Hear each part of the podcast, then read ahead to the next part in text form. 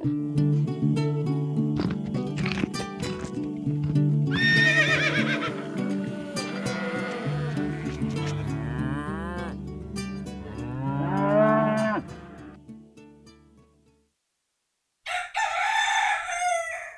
hei, hei, og velkommen til Gjengevold pluttekast. Hallo! Hei, Mari. Velkommen, du òg. Eh, takk. Hei, Kjetil. Nå har vi endelig fått satt oss ned ved bordet inne på stua. Nei, kjøkkenet. Mm. Nei, henger sammen, da. Ja. Eh, Vi, vi har sånn åpen kjøkkenløsning. veldig moderne Ja. i dette huset fra 1852, 70, 90, et eller annet støff. Eh, jeg har fyrt i ovnen. Jeg har hatt en god arbeidsdag med eh, masse brøyting av snø. Em, hva, hva var det jeg kalte det når jeg skulle gå ut i dag? Jeg skulle slåss med snøen? Ja, Noe sånt. Mot, Krangle med eh, snøen, kanskje. ja. Ja, det føles litt sånn akkurat nå. det, Eh, jeg tror dette begynner å bli et kjent tema for lyttere. Ja, så fuck det. um, det jeg gjorde eh, de siste timene før jeg eh, ga meg for dagen, var å holde opp, komme videre med verpekassene inne i det nye hønsehuset. Ja. du har jo virkelig fått fart på deg og begynt å komme ganske langt, egentlig, med å innrede det nye hønsehuset vårt. Ja, Altså, ifølge våre gode venner på Lygre, så er dette den typiske eh, bondesituasjonen. Eh, det, er, det er liksom en, en eh, kon, eh, konsekvens av mange ledd. Eller ikke så himla mange ledd. Ja, altså at for å kunne gjøre det du egentlig trenger eller har lyst til å gjøre, så må du gjøre fem andre ting først Ja. for å komme dit. Yes. Mm.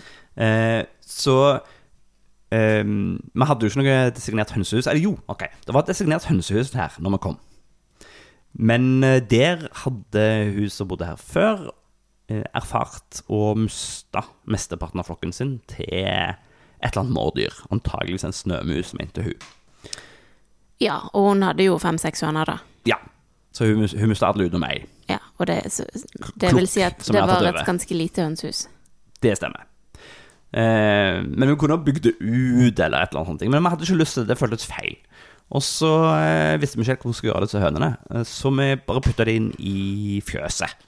Der hvor det har stått to-tre kyr tidligere. Det er kalvebinger. Det er romslig som et hønsehus. Mm. Eh, det, er et det er ikke et veldig stort fjøs. det kan vi ikke si i det hele tatt. Nei, det har plass til to kuer, cirka. Ja, også kalvene som dukker opp liksom, i nyene. Men eh, hønene har jo hatt eh, eldorado av et sted å bo. Og så ved siden av eh, fjøset så, så har du hatt eh, sauefjøset. Mm. Um, og det gikk liksom akkurat i fjor. Vi hadde òg flere sauer, har flere sauer, hadde da flere sauer enn hun som bodde her før. Um, men vi, vi fikk liksom plass. Vi rydda ut masse innredning. eh, og gikk for ren talleløsning istedenfor å drive med rister og galskap. For det tok så mye plass. Mm. Og tallet er Tallet er eh, tørt strø. Strø som i da eh, halm eller flis eller høykast. Eh, tørt organisk materiale mm. eh, som eh, dyrene går på og skiter og tisser på. Og så passer du på at det er tjukt nok til at det kan absorbere det som kommer. I tillegg til at du hiver på litt nytt i ny og ne for å sørge for at det holder seg tørt. Ja. Det som er eh, litt genialt med tallet, er at hvis du får det tjukke nok laget, så vil jo da den tallen kompostere etter hvert når dyrene tisser og bæsjer på den.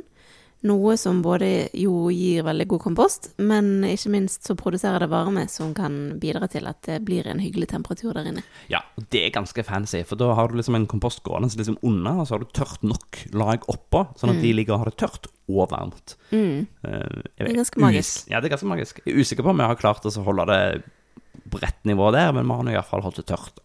Ja. Ehm, så det gikk de på i fjor. Eh, I år så har de blitt flere. Det er liksom en naturlig konsekvens av pøking og føding.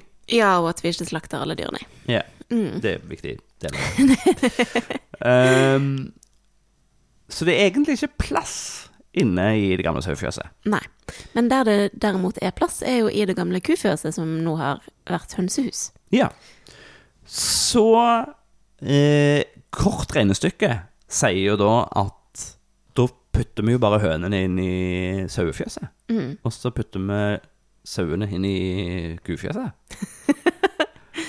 så da er jo det veldig enkelt. Men da må vi jo bli kvitt den der tallen som vi ikke har fått gravd ut ennå. Mm. Men eh, i komposthaugen og på gårdsplassen er det så mye snø at det har jeg å vente med for å så liksom klare å For tanken det det er liksom en etasje opp, sånn at jeg kan i utgangspunktet hive den tallen ut ei luke, opp i en tilhenger, kjøre det bort og bare tippe det ned i skråningen som har komposthaugen. Det et Kjempesmart system. Ja, bortsett fra at nå går ikke det. Nei, for nå er det snø. Ja. Så, og, og det har liksom bare Det har bare nekta å gi seg, da. Eh, og en, en annen konsekvens av all denne snøen er jo at når jeg brøyter gårdsplassen, så er det eneste den naturlige plassen å bli kvitt den snøen er over den kanten, nede i den komposten.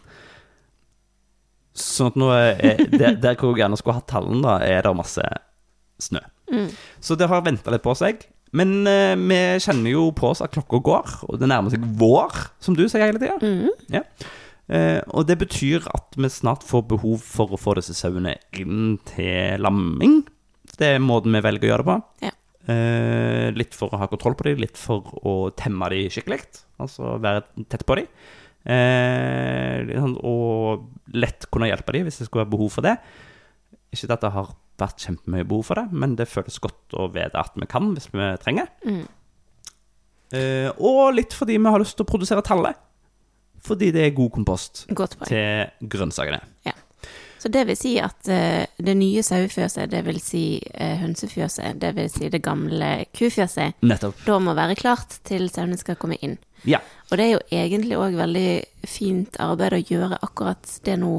Det vil si, først så må du jo da klargjøre det nye hønsehuset, sånn at vi kan klargjøre det nye sauefjøset. Og begge de tingene er jo egentlig veldig fine å gjøre nå når vi uansett, det vil si du, ikke kan gjøre så veldig mye ute, fordi Ja, det er så mye Det stemmer. Og alt dette er helt enkelt og fint og greit, bortsett ifra denne tallen, da. Ja.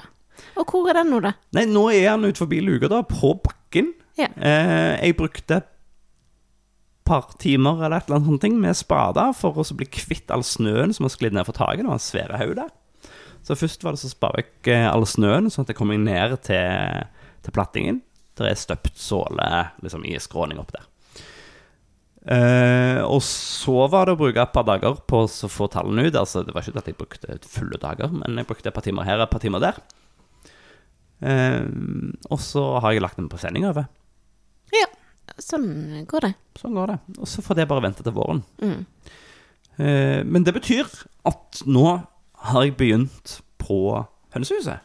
Ja. Så nå har jeg eh, tatt et gammelt fòrtrau jeg fant. Eh, bygd i Altså bygd av plank.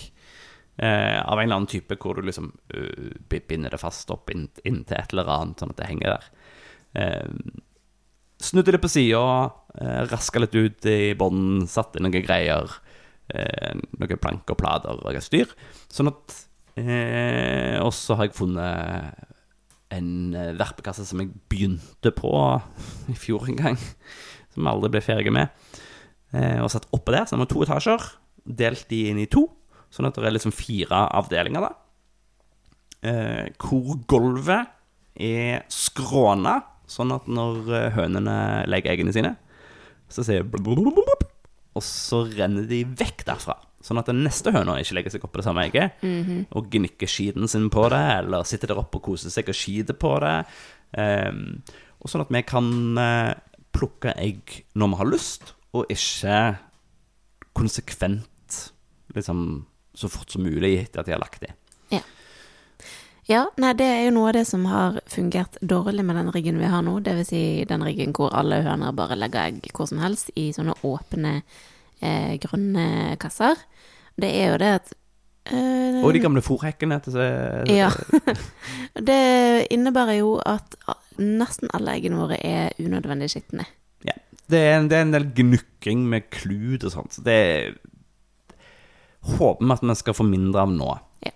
Eh, det kommer selvfølgelig det, Vi ser jo også veldig hvordan været påvirker. Så hvis de er ute og springer rundt i sorpa, for eksempel, så blir de litt skitne på fjøra, og så smitter det over begge. Mm. Eh, men eh, de er stort sett ikke så veldig glad i sorpa, så det burde gå bra. Eh, nei, jeg har veldig troen på den nye riggen. Eh, skal også få satt inn eh, timer med lys, sånn at lys skrur på på helt automatisk, og eggene triller av gårde. Sånn at eh, vi unngår den der kveldsrunden, i alle fall etter å plukke egg, da. Mm. Eh, så lenge vi har dyr inne, så må vi uansett ta en eh, kveldsrunde. Eh, altså disse sauene, for eksempel. Da. Men, eh, men det Ja, jeg gleder meg til det. At det skal gå litt mer av seg sjøl. Og på sikt så er jo planen å skaffe en sånn automatisk eh, luke som vi kan ha eh, foran eh, eh, luka ut til luftegården. Eller til ut.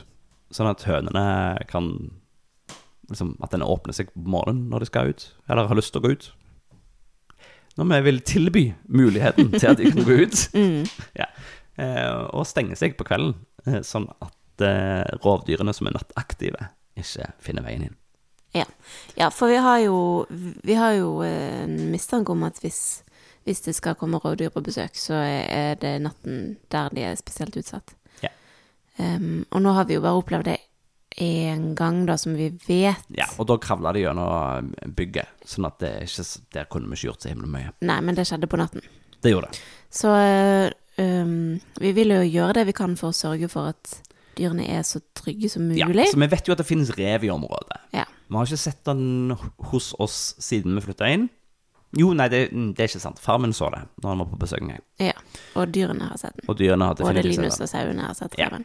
Sånn at den fins. Eh, så det er vel kanskje det, liksom det viktigste. Når det kommer til de små mårdyrene, så kommer de seg fram gjennom alle sprekkene vi har. Sånn at det, det kan vi ikke Det kan vi ikke dekke for. Eh, bare krysse fingrene for at vi slipper en sånn masse massakre. Ja. Og da er det vel òg de minste som er utsatt, og de kan vi jo beskytte i- inni en sånn liten kyllingbarnehage, da. Når de er helt Ja Ja. Disse mårdyrene skal ikke ha store sprekken for å komme seg gjennom. Nei, Uansett, nei. men la oss ikke tenke på det. Poenget er i dag har jeg gjort klar de to kastene, og sånne fine trapper opp til de. Og jeg har eh, rigga litt rundt på porten. Eh, fra liksom menneskeverden til dyreverden. Og Så eh, neste steget blir eh, vaglepinner galore. Hvor jeg skal gå ut og finne eh, små trær, rett og slett, og henge opp. Eh, og så eh, blir det å tette litt hull og vegger og sånt med netting. mm. Eh, og så nærmer det seg veldig at vi kan gjøre den store hønseflytten. Åh, fy søren. Og det er så stas å se at det virkelig går framover på de områdene der. Altså. Det skal være så kjekt å få, Ja. få både hønsehuset og sauefjøset ferdig, sånn at når, når våren faktisk kommer, og vi er her i midten av mars, så kan vi Så vet vi at det er gjort, og at vi kan fokusere på hagen. Mm. Det er utrolig deilig med logistikk som virker, altså. Mm. Men um, ja, dette bondelivet innebærer jo egentlig bare et uh, konstant work in progress. Det er jo ingenting som på en måte Eller veldig sjelden er det sånn at nå er vi ferdig. Det er jo bare stadig forbedringer og lapping på ting som eh, ikke funker Ja. så bra. Men eh, det altså, men, altså I dag Mm. så var jo jeg der ute, og så uh, ringte, du, ringte du meg. Du satt inne på hjemmekontor. Mm. Og så trengte du hjelp med noe logistikk eh, Nei, noe sånn admin-greier. Mm. Så jeg kom inn eh, og bidro med det. Og så så vi ut vinduet, og så ser vi at det, det er jo sol. Det har plutselig blitt sol. Så da fant vi oss den ene eh, mangoølen vi hadde liggende.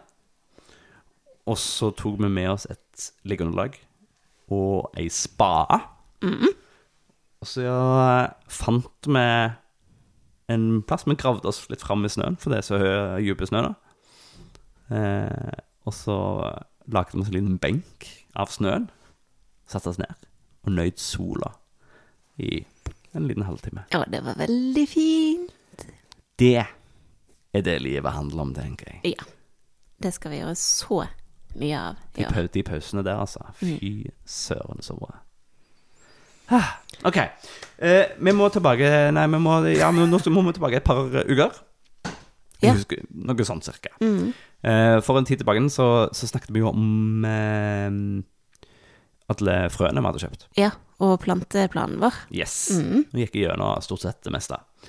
Ehm, samtidig som vi gjorde det, så, så delte vi jo med eh, eh, dere, eh, kjære lyttere, vår frustrasjon over at eh, Solhatt, vår hovedfrøleverandør Det høres veldig fancy ut. det er der vi pleier å kjøpe butikk- frøene våre. um, de, hadde, de, de var tomme for favorittgulroten vår. Ja. Lila Lu. Ja. Og i etterkant så sendte jeg en e-post til Solhatt og sa hei, får dere den inn igjen? Uh, vil dere eventuelt få den neste år? Uh, for dette er jo da relevant for oss. Hvorvidt vi skal det, uh, så Lilla Luen og høste den i år, eller om vi skal la den stå et år ekstra for at den skal frø seg, for at vi skal altså, ja. At vi rett og slett må produsere våre egne frø Ja. av de få frøene vi Fordi- da hadde igjen.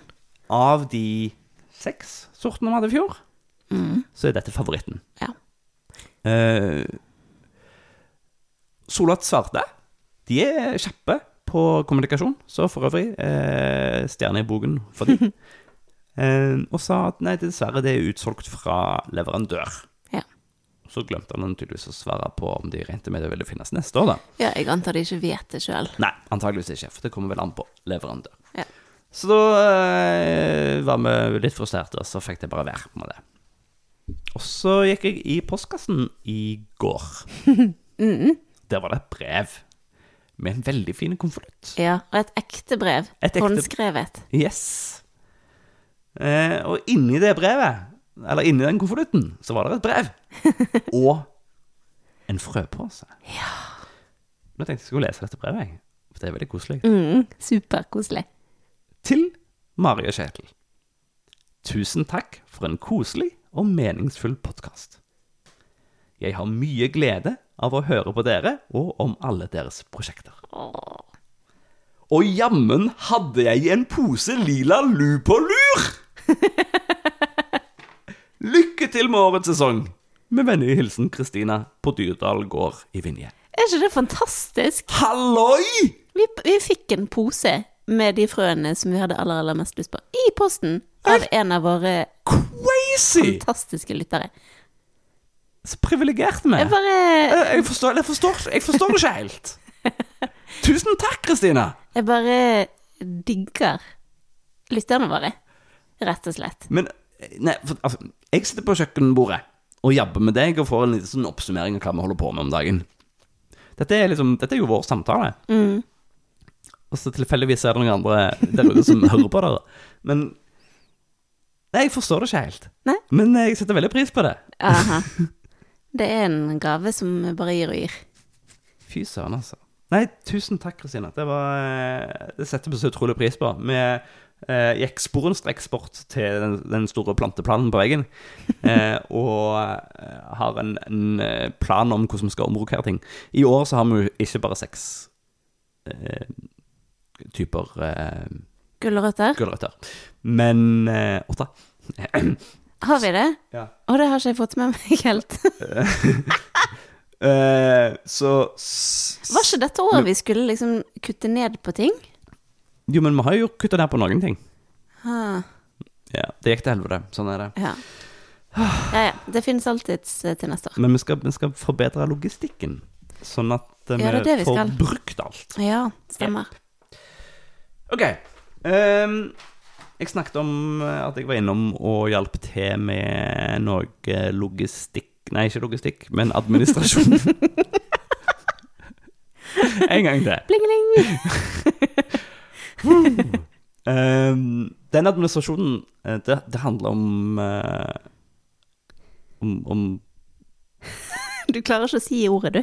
Nei, kan ikke du si det? Regnskap. Regnskap. Sånn var det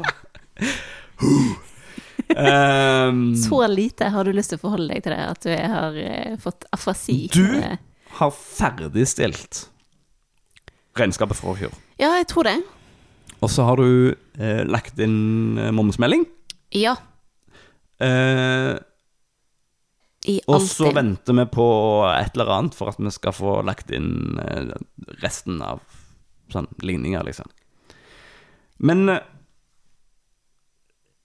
i hånda mi her Mhm. så har jeg ei eh, flaske med humlepung, som er vår favorittsider fra Aga sideri.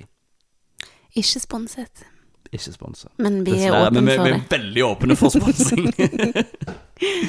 Spørsmålet er om vi skal åpne den.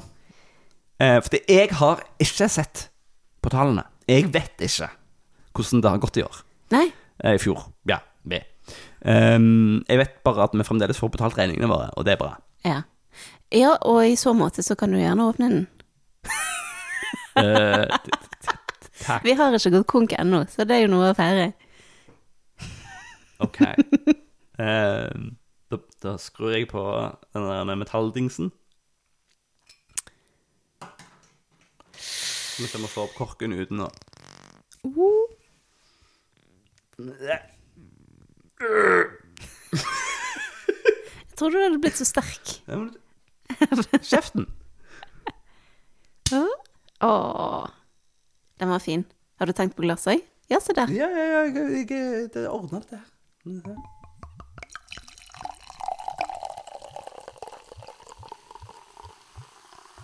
Ja, det var til deg. Mm, takk.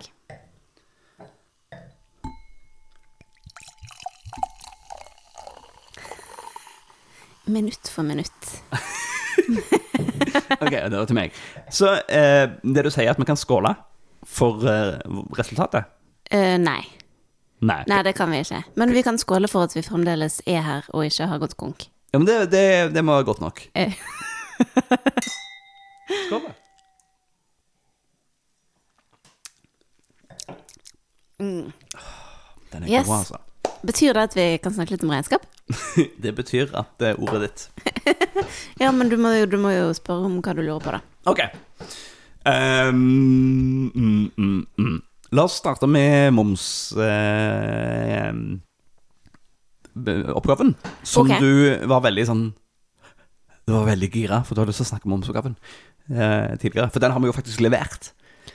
Den har vi faktisk levert. Um, og det er jo første gang vi leverer en momsoppgave for et helt år. Mm. For i fjor så leverte vi jo bare Altså, da varte bare regnskapet vårt fra august til desember. Ok, men eh, Kan vi ikke si noe om momsoppgave? Hva, hva er det for noe? For det, Ja. det tror jeg det er mye misforståelser på hva moms egentlig er. på en måte. Ja.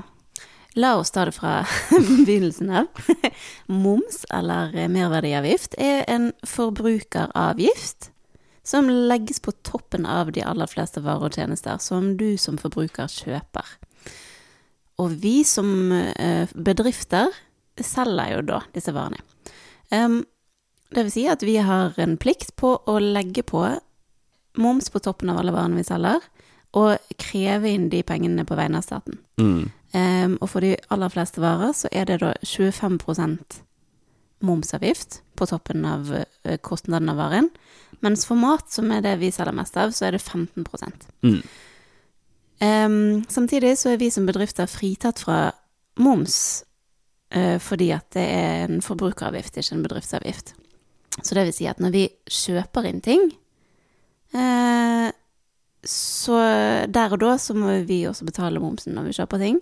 Men i regnskapet vårt så holder vi styr på hvor mye eh, penger vi har eh, brukt på moms når vi har handlet inn ting.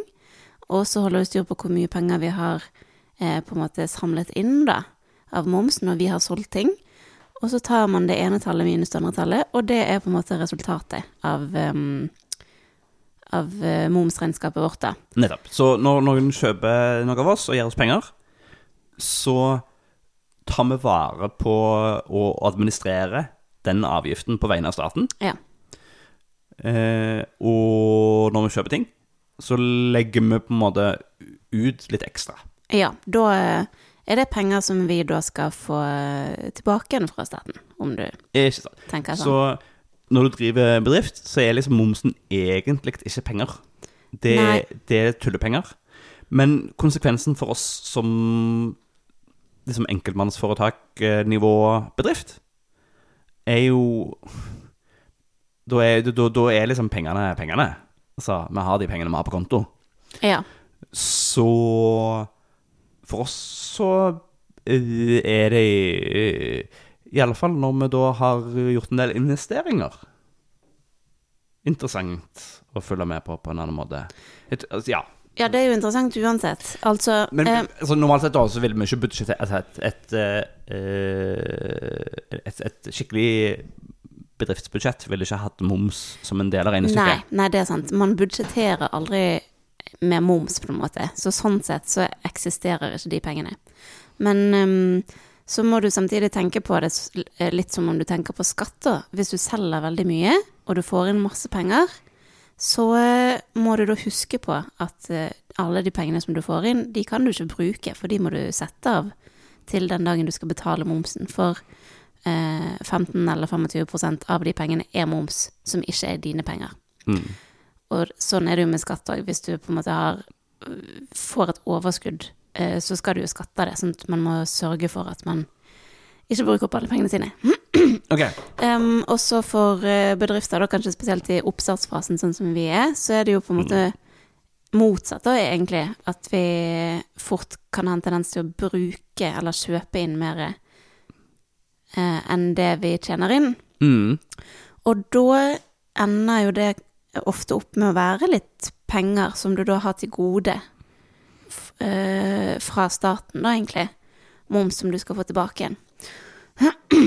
um, og så kan vi jo si at det er jo ikke eh, egentlig et godt tegn at man får mye igjen i moms, for det betyr jo at du har brukt eh, mer penger enn det du har tjent.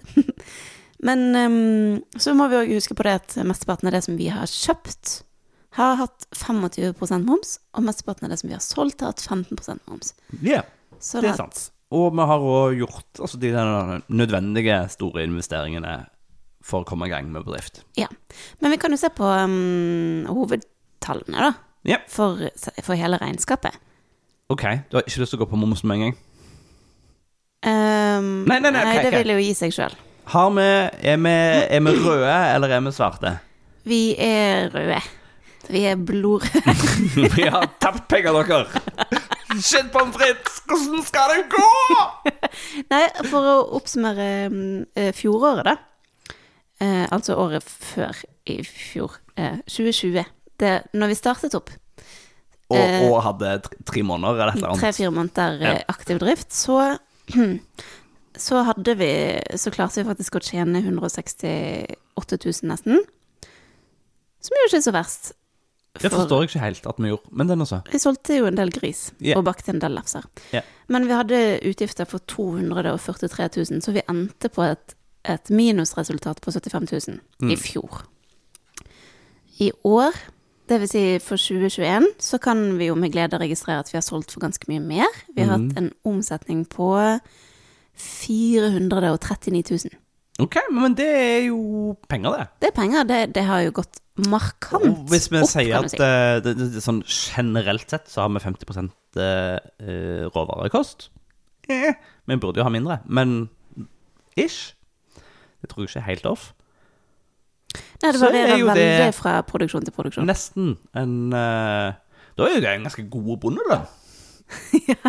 Ja, hvis du ikke har noen utgifter bortsett fra råvarekost, ja. Ja. Ja. Sant, det var det. Um, nei, men altså, 400, nesten 440 000, da. Det er et godt stykke opp fra 167 000. Uh, så har vi jo drevet i ganske mange flere måneder i fjor enn det vi gjorde året før òg, da. Mm. Men um, det viser jo at uh, bare med tanke på det som vi gjorde i fjor, så er vekstpotensialet ganske bra. Ja. For vi vet jo at vi kan gå ganske mye videre fra det òg. Så det er jo et sunt tegn, da, tenker jeg. Um, men så har vi hatt kostnader på 547 000 kroner. Hoppla hei. Hvor mye av det er liksom investeringer, og hvor mye av det er ah, sant? Ok, for vi har forskjellige typer kostnader. Vi har eh, liksom løpende driftskostnader, som er liksom strøm og forsikring og eh, drivstoff og alle de greiene der. Og så har vi råvarer eller fôr, eller det som er direkte kobla til at det blir noe salgbart i andre enden. Og hva var den tredje tingen jeg tenkte på? Hva hadde jeg glemt? Det vil vise seg. Det vil jeg. Det gir oss da et resultat for 2021 på 107 000 kroner i minus. Ja, men det vi- er jo ingenting! Så vi går jo med et, større underskudd i år enn i fjor, og det var jo ikke helt den utviklingen vi ønsket. Men vi visste jo det, da. Men Gjorde vi ikke det? Altså, når vi endte opp med å få Gerda på fjoråret, for eksempel. ja, det, altså det positive her er at vi har ganske gode forklaringer på hvorfor vi har endt der vi har endt. Em, og da tror jeg at vi må se litt nøyere på hva, de, hva inntektene og utgiftene på en måte faktisk består i. Um, Hører du, at du, jo- hører du at du tar på deg den der eh, sånn, eh, litt sånn fornuftige jobbstemmen? nå, skal jeg- nå, nå skal jeg forklare dere hvordan det henger sammen.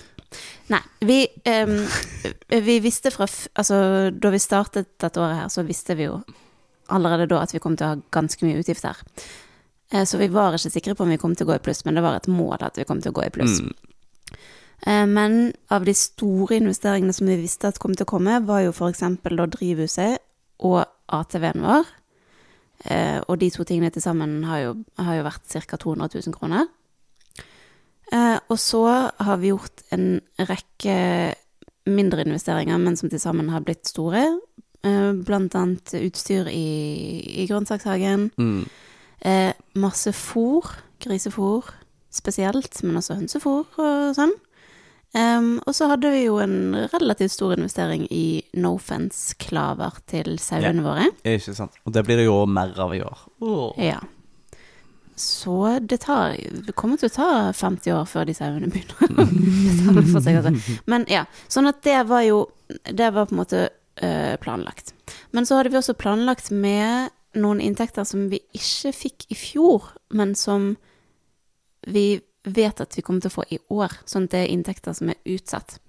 Og der har vi jo fått um, tilskudd, eller tilsagn fra Innovasjon Norge eh, som vi ikke rakk å få utbetalt i fjor, på 200 000.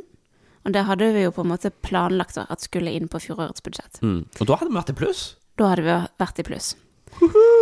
Um, og så har vi også fått tilskudd fra kommunen til grøftejobben vi har gjort. Mm. Eh, Men siden det også ikke er helt ferdigstilt ennå, så har ikke vi bedt om å få det utbetalt. Og det var vel på ca. 90 000, det òg. Mm. Så de to tilskuddene ut, ville jo ha utgjort en, en veldig stor andel inntekter i fjor, som da ville hjulpet å få regnskapet vårt over kneiken. Ja. Em, så får vi håpe at vi får de i år istedenfor, sånn at dette året blir veldig mye bedre. Men Så ja, vi har hatt en del store planlagte investeringer, men så fikk vi også en særdeles uplanlagt stor kostnad. Og det var det at bilen vår konket. Mm. Så da ikke bare måtte vi plutselig spa opp eh, 160 000 på å kjøpe ny bil. Og Riktignok så synes ikke alle de i regnskapet med det samme fordi det avskrives over tid, men det blir jo litt per måned. Men den største kostnaden ved det som synes på regnskapet vårt for i fjor, da, er det at den gamle bilen vår måtte vi selge med tap. Mm. Det vil si Og dette blir jo liksom mest sånn regnskapsteknisk. Ja, det er jo heller er ikke sånn ekte greier. penger. Men, men enkelt forklart så hadde vi kjøpt den bilen året før. Eh, og da tror jeg vi betalte ca. 70 000. Mm. Og vi hadde jo regnet med at den skulle vare ganske lenge, men så bare konket den, så da måtte vi selge den. Og så solgte vi den veldig billig fordi den var eh, ødelagt. så eh, da differansen mellom det som den da hadde som verdi i, i regnskapet, da, på en måte, eh, og det som vi solgte den for, det blir da et tap. Så når vi solgte den gamle bilen vår, så gikk vi med det samme ca. 50 000 i minus på regnskapet. Jeg er så glad for at du syns det er spennende med disse greiene. Det, jeg hadde ikke hatt sjans, så jeg hadde jo enten løyet på meg masse greier, eller måtte jeg liksom endt opp med en situasjon med liksom å kaste kvitteringer på en eller annen eh, regnskapsfører og bruke altfor mange penger på det. Ja. Det er helt amazing. Ja, vi får håpe skattemyndighetene er enige, holdt jeg på å si.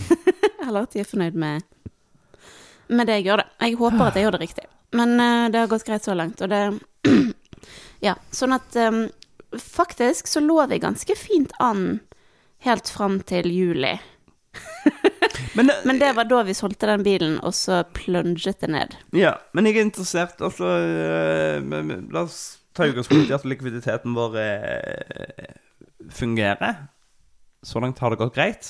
eh, Men vi kan godt, vi kan godt få, få inn noen av disse eh, tilsagnene tilskuddene snart. Mm.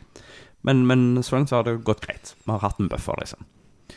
Um, så, så hvis vi tar vekk alle investeringene og går liksom over på ren drift, altså, eller altså, ja Hvis vi tar vekk alle liksom, de der engangsgreiene, Mm. og så, og så tenker vi på Hva solgte vi?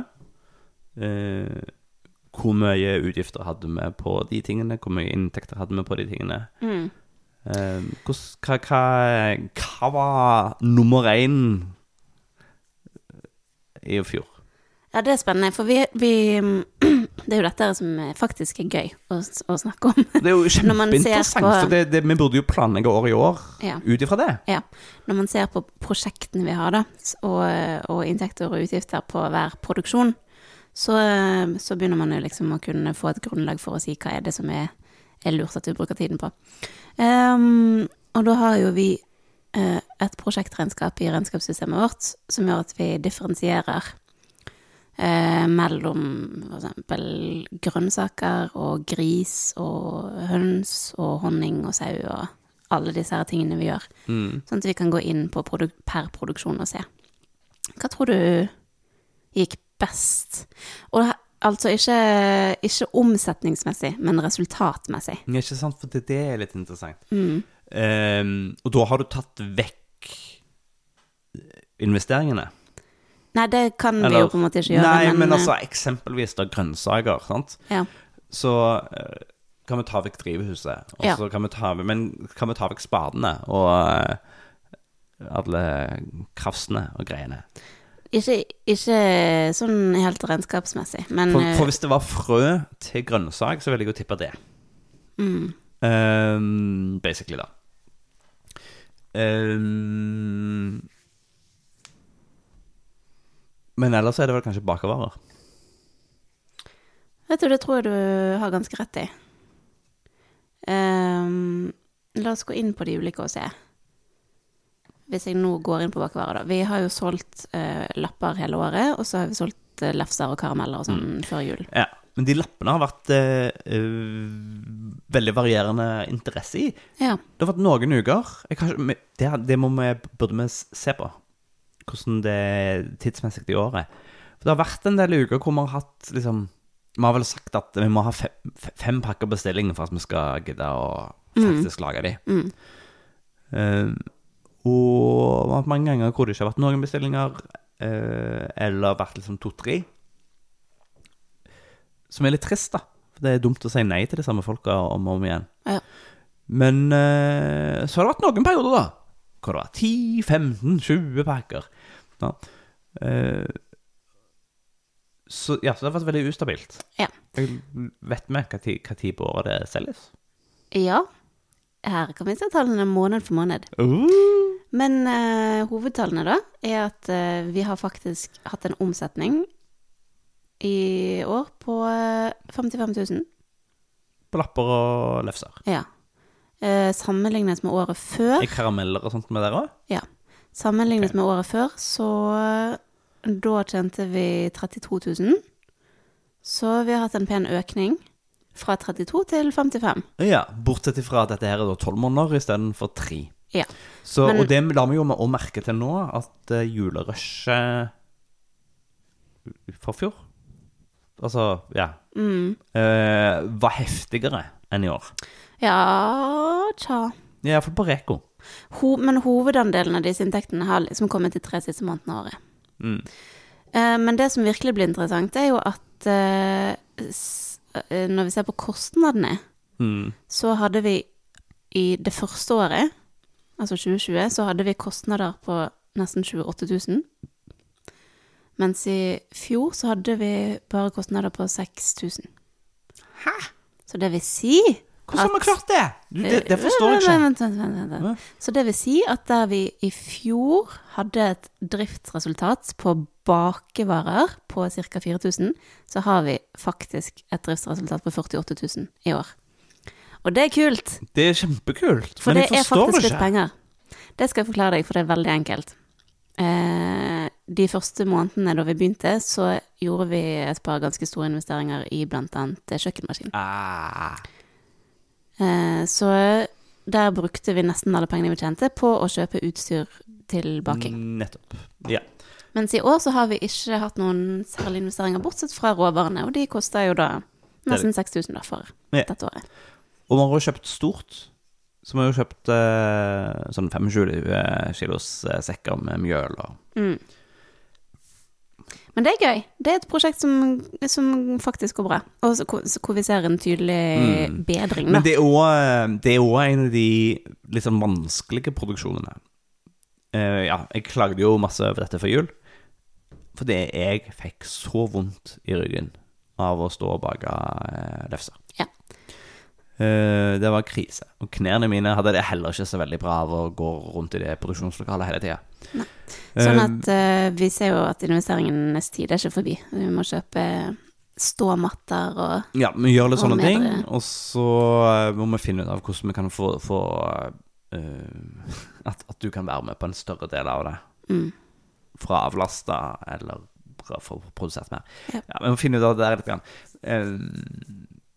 Og så, så er det jo Produksjonslokalet blir jo kjekkere og kjekkere å være i, etter hvert som vi gjør det kjekkere. Eh, for for um, pynta litt, grann. Gjort det, og gjort det mer eh, praktisk. Men det er jo ikke der vi har lyst til å bruke Altså, vi skal, vi skal ikke være en bakebedrift, da. Nei. Så dette her er jo en sesongting, egentlig. Mm. Uh, opp mot jul, som er hovedgreia. Høsten, liksom. Ja. Da skal det lefses og eh, karamelles og eh, lappes. Men, så så, men lapper har vi jo egentlig lyst til å gjøre hele året. Ja, for lappene er jo egentlig et resultat av at vi har egg som ikke kan selges. Mm. Ja, det er en kjempefin måte å få benytta de på. Mm. Men det kan være at vi finner andre bakeprodukter vi har lyst til å lage i fremtiden istedenfor det vi lager i dag. Ja. Eh, ja, OK. Mm, hva, er, hva er neste? Hva er, og hvis vi rangerer det ovenfra og nedover i prosentvis, eller total Eller du bare Jeg, jeg bare Jeg bare spør om, om noe. Jeg, kan, jeg bare spør om noe, så ja, kan jeg gå inn og se på det. Egne? Ja. De eh, er jo noe vi bruker ganske mye tid på. Eh, Eggesamling og eggevasking og Ja, og sånt og sånn som vaskinga er uforholdsmessig. Um, I uh, år, det vil si i fjor, så hadde vi Skal vi se Vi hadde faktisk nesten 23 000 kroner i inntekter på eggene i fjor. Ja. Altså omsetning. Det er jo litt penger. Det er jo litt penger. Hvor mye har du spist, da? Nei, eh, vi hadde utgifter på nesten 12 000.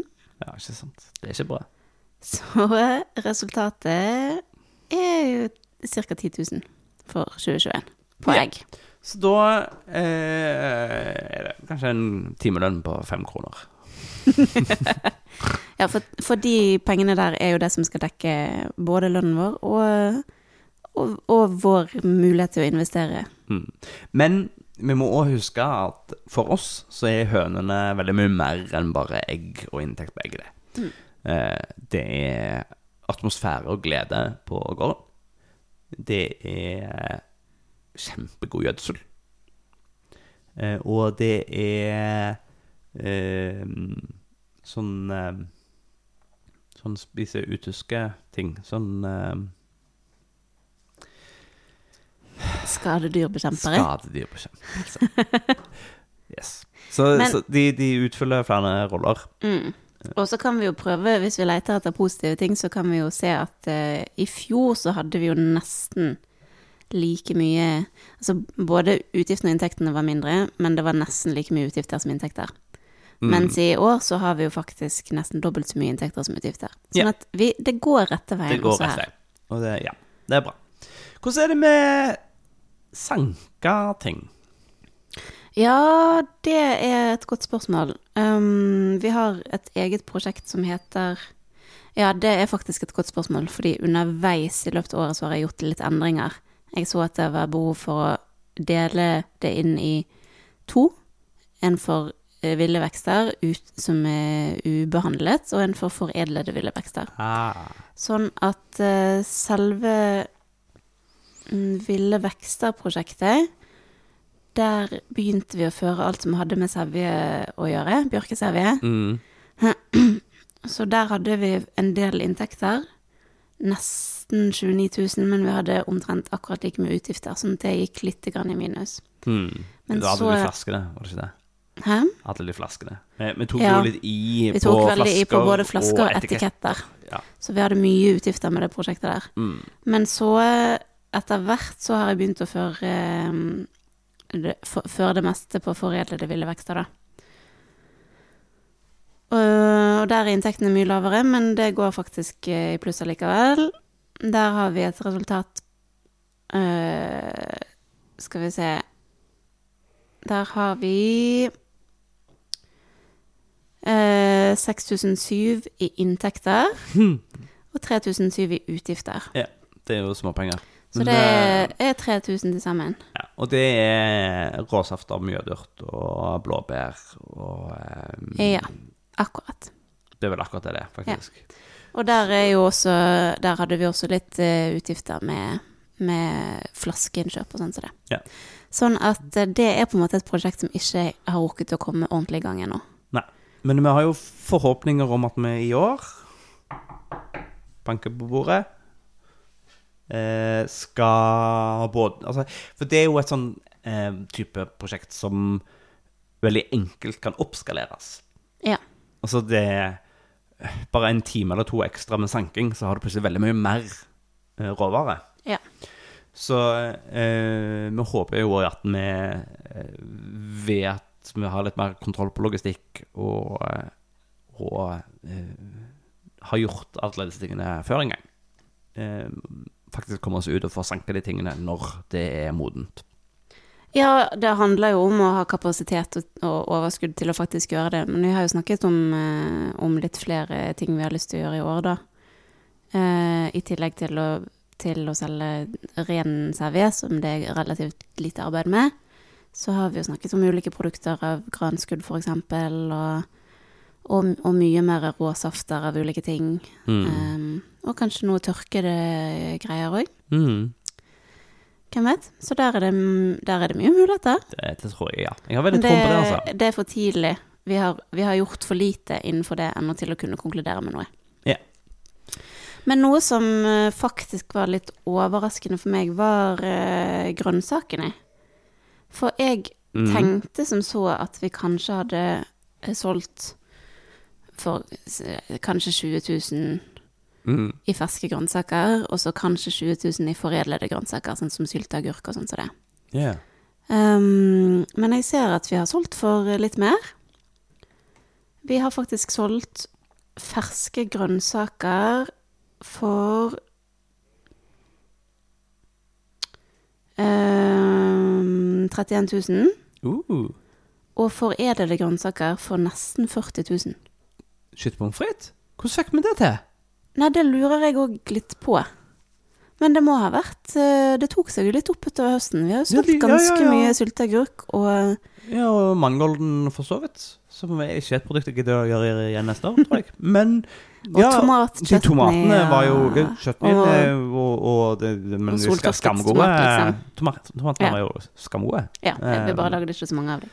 Um, Men det er jo faktisk ganske gøy, mm. fordi at jeg tenkte at uh, vi skulle ikke regne med noe særlig inntekter i fjor, fordi altså, vi Mm. var jo helt i oppstarten, og Ja. alt, alt ville vært en bonus. Men til sammen så har det jo faktisk blitt ca. 70 000, da. men det er veldig kult. Fordi det er jo akkurat sånn vi mente at det skulle virke. Mm. Altså ikke nødvendigvis en størrelsesorden, men eh, hele poenget var jo å videreforedle for oss å holde for, for å øke verdi og holde sesongen lengre. Mm.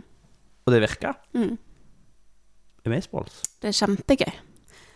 Eh, så skal ikke vi se på resten av tallene der. Nei, men der var det masse investeringer og galskap, så Ja.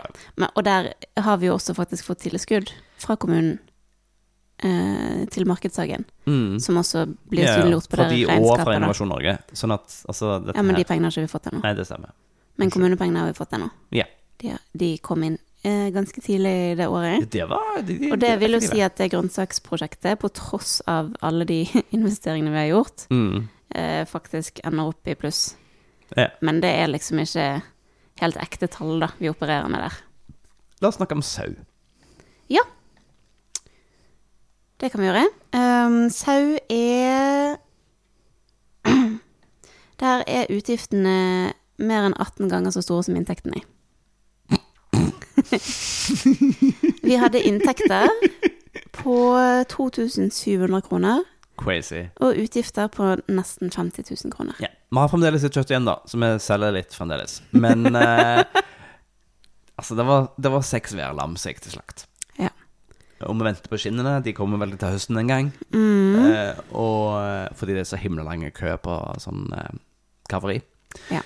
Eh, Så vi har bare hatt utgifter med de. Det, og det Ja. meste har jo da vært på, som sagt, på no fence-klavene. Men vi har hatt masse utgifter på fôr, for vi har kjøpt inn tørrfôr til de. Mm, Og eh, veterinær og slakt. Eh, så det er Hvis du ser rent økonomisk på det, så er det eh, ganske vanskelig å få det til å gå i pluss foreløpig. Ja. Men det er jo også noe tilskudd. Og i fjor så Mm. fikk vi Ja, og det har jeg ikke puttet inn i dette regnskapet, for det tilskuddet kan du liksom ikke spesifisere i regnskapet på litt av det går til sau, og litt av det går til sånn, ja. Um, Men um, en god del av det tilskuddet vi får fra staten, altså vanlig produksjonstilskudd, bondelønnen, det går jo til beitedyr. Mm. Og i fjor fikk vi vel ca. 12 000 i tilskudd. Mm. Um, I år har vi faktisk fått omtrent 30 000, Ja, så det går oppover. En, en passe dårlig månedslønn der, men eh, da må vi jo tenke at en del av de pengene er jo på en måte tilskudd for å bidra til at saueproduksjonen skal bli litt eh, mer lønnsom, eller litt mindre mindre ja, altså, lønnsom. de pengene går i vinterfôret. Ja. Smokk vekk. Mm. Poff vekk. Uh, men ja, og det er jo fordi vi ikke har eh, begynt å slå sjøl, eh, og ikke har utstyret til å slå sjøl, Ja. Og så videre. Så det, der er det jo det, Akkurat det er jo et helt annet regnestykke som vi for så vidt kan snakke om en annen gang, når vi har noen mer konkrete tall. Og så vet vi at vi kommer til å kjøpe enda flere klaver i år, sånn at uh, saueprosjektet kommer ikke til å gå i pluss i år heller, antageligvis. Så det viser jo egentlig bare hvor langsiktig perspektiv du må ha da når du starter opp med en sånn produksjon. Mm. Men det kommer til å bli bedre, for vi kommer til å ha flere dyr. Og vi har noen tanker om noe videreforedling. Eh, og så, når skinnene kommer, så kommer jo de til forhåpentligvis gjøre et godt innhogg Ja da. i det. Det er jo mange ting å utforske der. Altså. Det er jo selvfølgelig kjøttet i seg sjøl, som vi sikkert kan selge på en uh, mer effektiv måte. Og så er det uh, skinn, og så er det spekemat og foredlet kjøtt, kjøttvarer. Og så Mm. er det jo garn, da, som vi ikke har begynt å Ja. tenke ordentlig på ennå, men som vi tenker på. Det, ja. Men, men ja. Skal, du, skal, skal du gjøre saus, så, så trenger du enten jævlig mange sau, eller uh, uh, så må du nytte alle ressursene sauen har. Ja. Ja, men jeg tror ikke det blir noe bedre hvis du har jævlig mange heller, for det er jo Ja, bare husker mer utgifter. jeg husker jeg, jeg fant en rapport på det. uh, hvor de så på eh, lønnsomhet kobla opp mot mengde. Eh, og der var det en Ja, det blir mer lønnsomt fram til Og så husker jeg ikke hva det tallet var, om det var 80 i vinterfôret eller et eller annet sånt. Ja, men det er jo et Og gjennomsnitt, da. Ja, ja, det, ja, ja. Men så over det, da, så flater det ut. Ja. Så det liksom det å liksom Satse stort når du allerede hadde en del. Bare Og det, og det kommer helt an på eh, det utgangspunktet du har på din gård. Altså, har du fjøs, har du gjerder som fungerer, har du areal, har du maskiner til høstefôr, alt dette her. Vi har ingen av delene, og jeg tipper også hvis du lager en sånn kalkyle som den du så, og, og putter offense på istedenfor eh, eksisterende gjerder, eksempel, så er det plutselig en veldig mye større investering up front, da, for for å sette i gang. Det er sant. OK. Men vi sparer mye tid på det, og det er også verdt noe. Mm. Um, honning er jo omtrent eh, hvis, Altså hvis vi går til honning- og Mm. bieprosjektet, så er jo det omtrent like begredelig som sau. Bortsett fra at her er utgiftene bare mer enn åtte ganger så store som inntektene, og ikke 18 som for sauen. Det er jo en enorm forskjell. Så vi har jo hatt en del inntekter, hele drøye 4000 kroner. Uh, og så har vi hatt utgifter på 32 000. Ja. Og det er jo investeringene i alt bieutstyret og bikubene og selve bifolkene som vi har kjøpt. Sånn, det var på en Mm. måte planlagt. Vi visste at det kom til å komme. Og vi visste òg at vi ikke kom til å ha noe særlig honning å selge. Men i år, da, så håper vi at vi skal gå i pluss på det prosjektet. Mm. Og at det kan, ja, kan begynne å spise på totalregnestykket. Ja. Så sakte, men sikkert så bygger vi opp overskudd i flere av disse produksjonene, er planen. Ehm, da tror jeg vi bare har ett igjen som vi trenger å snakke om, og det er Gris? gris. Og dette her eh, pratet vi jo litt om Var det i forrige episode eller episoden før, der vi snakket om at vi eh, ikke skal drive med gris lenger. Mm. Av mange ulike grunner, da. Men um, uh, det er jo et fint eksempel på et, uh, et prosjekt som har relativt stor omsetning, men kanskje ikke så mye resultat. Um, så for å ta tiden litt tilbake igjen, i 2020, altså de første månedene vi drev, så kjøpte vi jo inn ti eh, eh, fast eh, Ja. Vi hadde, Griser. vi hadde jo lest eh, sånn eh, hvordan å klare å overleve med liten, liten gård. Eh, Mm. bug, bugger. Og komme i gang og få kapital fort, da. Yes. Og da var gris, eh, frittgående gris, et av tipsene. Kjøp noen griser, fôr de opp, selg de. Mm. Smokk, smokk. Eh, og det funka jo som faen, det. Mm. Eh, Vi dytta i de masse fôr. Lot de springe rundt og ha det gøy.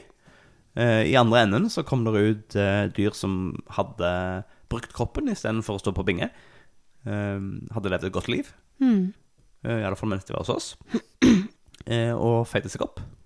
Eh, og ja, så vi, vi fikk de eh, 1. september og sendte de til slakt eh, slutten av november. Ja. Og da var Husker du Du har tallene der, selvfølgelig. Ja. Eh, ja. Av de tigrisene så tjente vi da i 2020, det vil si hovedsakelig i desember, da, 92 000 kroner. ja, det var inntektene. Folk Det var ga oss inntektene. to- ni- 92 000. Ja. Og i det så ligger det moms nå. Nei. Nei. Nei, det er jo utenfor, som vi har snakket om. Eh, Ikke sant. Mens kostnadene var på nesten 50 000 Ja. på de grisene. Så innkjøp og eh, fôr og slakting. Mm. Og litt utstyr og sånn, da. Så eh, i 2020, altså i fjor, så hadde vi et resultat på gris på eh, 43 000. Mm. Mens i år, så Altså 2021, Mm. så hadde vi jo en del utgifter fordi vi kjøpte inn to purker som vi skulle begynne å avle på. Og så hadde vi jo ikke så mange griser å slakte, vi hadde bare fire. Mm. Så mm, eh, sånn sett så lå vi jo ikke veldig godt an, da. Nei. Og så var det litt grisekjøtt. Ja. En god del faktisk grisekjøtt fra året før som Mm. lå i fryseren, og som vi solgte i begynnelsen av året. Mm. Uh, så omsetningen i 2021 ble på 76 000. Og det altså sammenlignet med 92 000, og så har du ti griser først, og så fire griser etterpå. Mm. Det er jo ikke så verst. Nei. Utgiftene er faktisk heller ikke så verst. Eh, 38 000 ble det på i 2021. Så 10 000 kroner mindre enn i 2020. Og det er inklusiv eh, veterinæren som er innom og, og steriliserer og Ja. Ja. Så uh, merkbart mindre fòrforbruk tror jeg er en, en av nøklene her. Hmm. Ehm, Det er stor forskjell på uh, sommer og vinter, altså. Det merker jeg. ja, Det, og appetitt på grisene, og antall griser. Og, Ja. og mindre utgifter med slakt òg, siden det bare var fire. Men um, så um, Litt sånn overraskende nok så ble ikke det så stor forskjell på, på resultatet på de to årene. I 2020 så fikk vi 43 000 i resultat, altså det vi sitter igjen med etter at alle utgiftene er tatt bort, og det som skal dekke vår lønn og vårt arbeid. Mens i 2021 så fikk vi nesten 38 000 i resultat. hmm. Eh, Så med tanke på at det var eh, mindre enn halvparten så mange griser, så tenker jeg jo at det er ikke så dumt. Det som er dumt, er at de 38 000 er lønnen vår for et helt år med gris. Det, ja. Og det, det er noen timer som går med. Ja.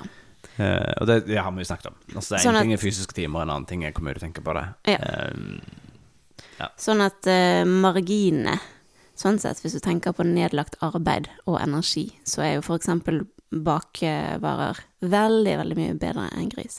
Men nå skal det òg sies at vi regner med at griseåret vårt i år, i 2022, jo kommer til å være ganske mye bedre, fordi nå skal vi jo på en måte få Ja. kapitalisert på, på alle investeringene vi har gjort, for nå har vi faktisk ni grisunger vi skal slakte, og to store purker som fram til nå liksom bare har vært utgifter, da. Mm. Ja, nei, så, ja, så forhåpentligvis så representerer det et, et godt overskudd på gris, som kan bli en buffer som gjør at vi neste år igjen, når vi ikke har gris, eh, kan komme oss i mål. Så alt i alt eh, 2021 eh, økonomisk sett ble ikke så bra som vi hadde håpet, men det er veldig gode grunner for hvorfor det ble som det ble. Mm. Og det er ingenting som på en måte tilsier at vi er helt eh, galt av sted. Um, men i 2022 2022 må nok bli året der vi begynner å tjene penger. Mm. Har du trua? Ja, det har jeg. Eh, fordi vi vet at vi kan Vi kan forvente en del inntekter allerede. Um, og vi skal oppskalere en del ting som vi vet at det er etterspørsel etter. Og vi har ikke så mange utgifter som vi må eh, ta i år. Hmm. Så vi har noen små investeringer, men ikke noe sånn vanvittig svært. Så jeg tror at det skal gå fint. Ehm, men så klart, der vi er nå, når vi ikke har solgt noe på siden jul fordi vi har tatt pause og sånn, og vi har hatt en del utgifter i år òg, Mm. så hjelper det jo veldig at eh, vi fikk inn um, tilskuddet fra staten Mm. nå i februar, som på en måte kan hjelpe oss i noen uker framover. Og så kommer jo momsen inn, da. Det hjelper veldig at vi får Ja! eh, 105 000 kroner i 105 000 penger! Gratis! Crazy shit bananas! Det er jo egentlig penger som vi allerede har lånt til staten, og som vi burde fått renta på for å få tilbake igjen. Men um, det er jo en god bonus. Ja, det hjelper godt på. Jeg skal bare ikke snakke så mye om de pengene, fordi at eh, jeg vil ikke at du skal tro at vi har masse penger når vi ikke har det. oh, ja. Eh, Men det- em, så, så jeg kan ikke gå ut og kjøpe alt, det utstyret og de verktøyene Nei. og den ølen som jeg har lyst på. Men um, ja, jeg er faktisk ganske optimistisk. for dette året her. Å, dette blir spennende, altså. Fy søren. Om et års tid så gjør vi jo denne gjennomgangen en gang til. Ja. Og da har vi ikke bare tre måneder med drift å sammenligne med, men da har vi jo altså, to hele år vi kan sammenligne. Ja. Det blir spennende. ja, det blir kjempegøy. Kjempefett. Jeg er veldig glad for at jeg slipper å liksom gjøre forarbeidet, men det er jo veldig spennende å høre på resultatet. Ja, ikke sant? Ja. Og så blir det enda kjekkere når vi går i pluss. Det blir gøy. Ja. Da, da må vi Hvordan kan vi gjøre humlepungen mer festiv? Vi har to. ok, men dette var en eh, tung uh, det, var, det er ikke det letteste mat materie å høre på for de som hører på, men jeg håper at noen av dere synes det var nyttig. Vi driver jo total åpen transparens på økonomien vår her, og det er for å vise litt av realiteten eh, man står i. Og det er ikke for å si at vi ikke tror det går an å leve eller tjene penger av jordbruk og det å drive matproduksjon, eh, men man må nok være forberedt på at det tar litt tid. Og Ja, ja gjør noe lurt. Ja. Et eller annet. lage Da noen gode jo, planer. Det finnes jo små lokale nisjer òg, så, så mm, Det er mange måter å gjøre det på. Ja. Eh, men at det- er bare å sette i gang, og så kan du leve av det, er jo Veldig fint at eh, du har eh, sånn 100% stilling. Ja, fordi nå er det jo Altså, de minus 107 000 på regnskapet vårt fra i fjor, det er jo penger som eh, Som jeg da betaler for, da, gjennom Gjennom jobben min. Mm. Og det er jo ikke sånn vi vil at norsk landbruk skal være, egentlig. Men, um, men vi må skille mellom investeringsår, altså oppbyggingsår, og vanlig driftsår. Og eh, nå i år kommer også til å være et oppbyggingsår, men mindre sådan enn i fjor, tror jeg. Og så eh, fra og med neste år så, så, skal, så skal det rulle ordentlig. Mm, det er planen. Mm. Men ja, men vi driver jo fremdeles og tester ting. Vi har jo planer om, om ting, altså produkter vi vil teste til høsten, som vi ikke har fått gjort før. Sånn Ja. at det, det er jo vi, vi finner jo veien mens vi går her. Ja. Og så tror jeg det Eh, viktigste er å bare se at, at det er en framgang, da. Mm. Altså, vi kan se nå at mange av de tingene vi startet, startet med første året, går bedre nå enn det gjorde i fjor. Ja. Og så er det noen ting vi startet med i 2021 som vi ennå ikke ser helt resultatene av, men det håper vi at vi ser mer i år, da. det, det, det blir bra. Mm. Jeg har troa, jeg òg. Jeg er optimistisk. Jeg er ø- Økonomien må du ha kontroll på, for det har ikke jeg. Eh, Jeg får ukepenger, dere. Jeg får ukepenger. Jeg bare sier det. Eh, Det er jo et framskritt, det har ikke du gjort før. Det er på godt poeng. Vi begynte med det nylig. Hvis det er noen konkrete spørsmål Mm. til eh, de forskjellige produksjonene, eller regnskapsføringa, eller et eller annet sånt, eh, gi lyd. Ja. Det er Insta, Face, eh, E-post. e-post, eh, kommentarfelt på nettside. Send en smoing, eh, og så svarer vi hvis det er relevant for flere eh, på podden. Mm. Hvis ikke, så får du direkte svar. Yes. Eh, Kult. Takk for at dere følger med oss. Eh, og Kristina, tusen takk for lilla du. Jeg er evig takknemlig. Hvis jeg noen gang treffer deg, skal du få en klem. Ja. Eh, All right. Ha en god uke, alle sammen. Takk for at du hørte på.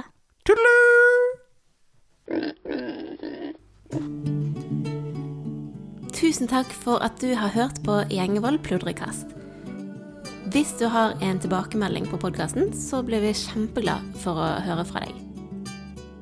Er det noe du syns vi skal snakke mer om, eller noe vi bør snakke mindre om, så kan du sende oss en melding på e-post på hallo-gjengevold.no Du kan også komme i kontakt med oss på Facebook på Gjengevold mangesysleri, på Instagram ett mangesysleriet, og på nettsidene våre gjengevold.no.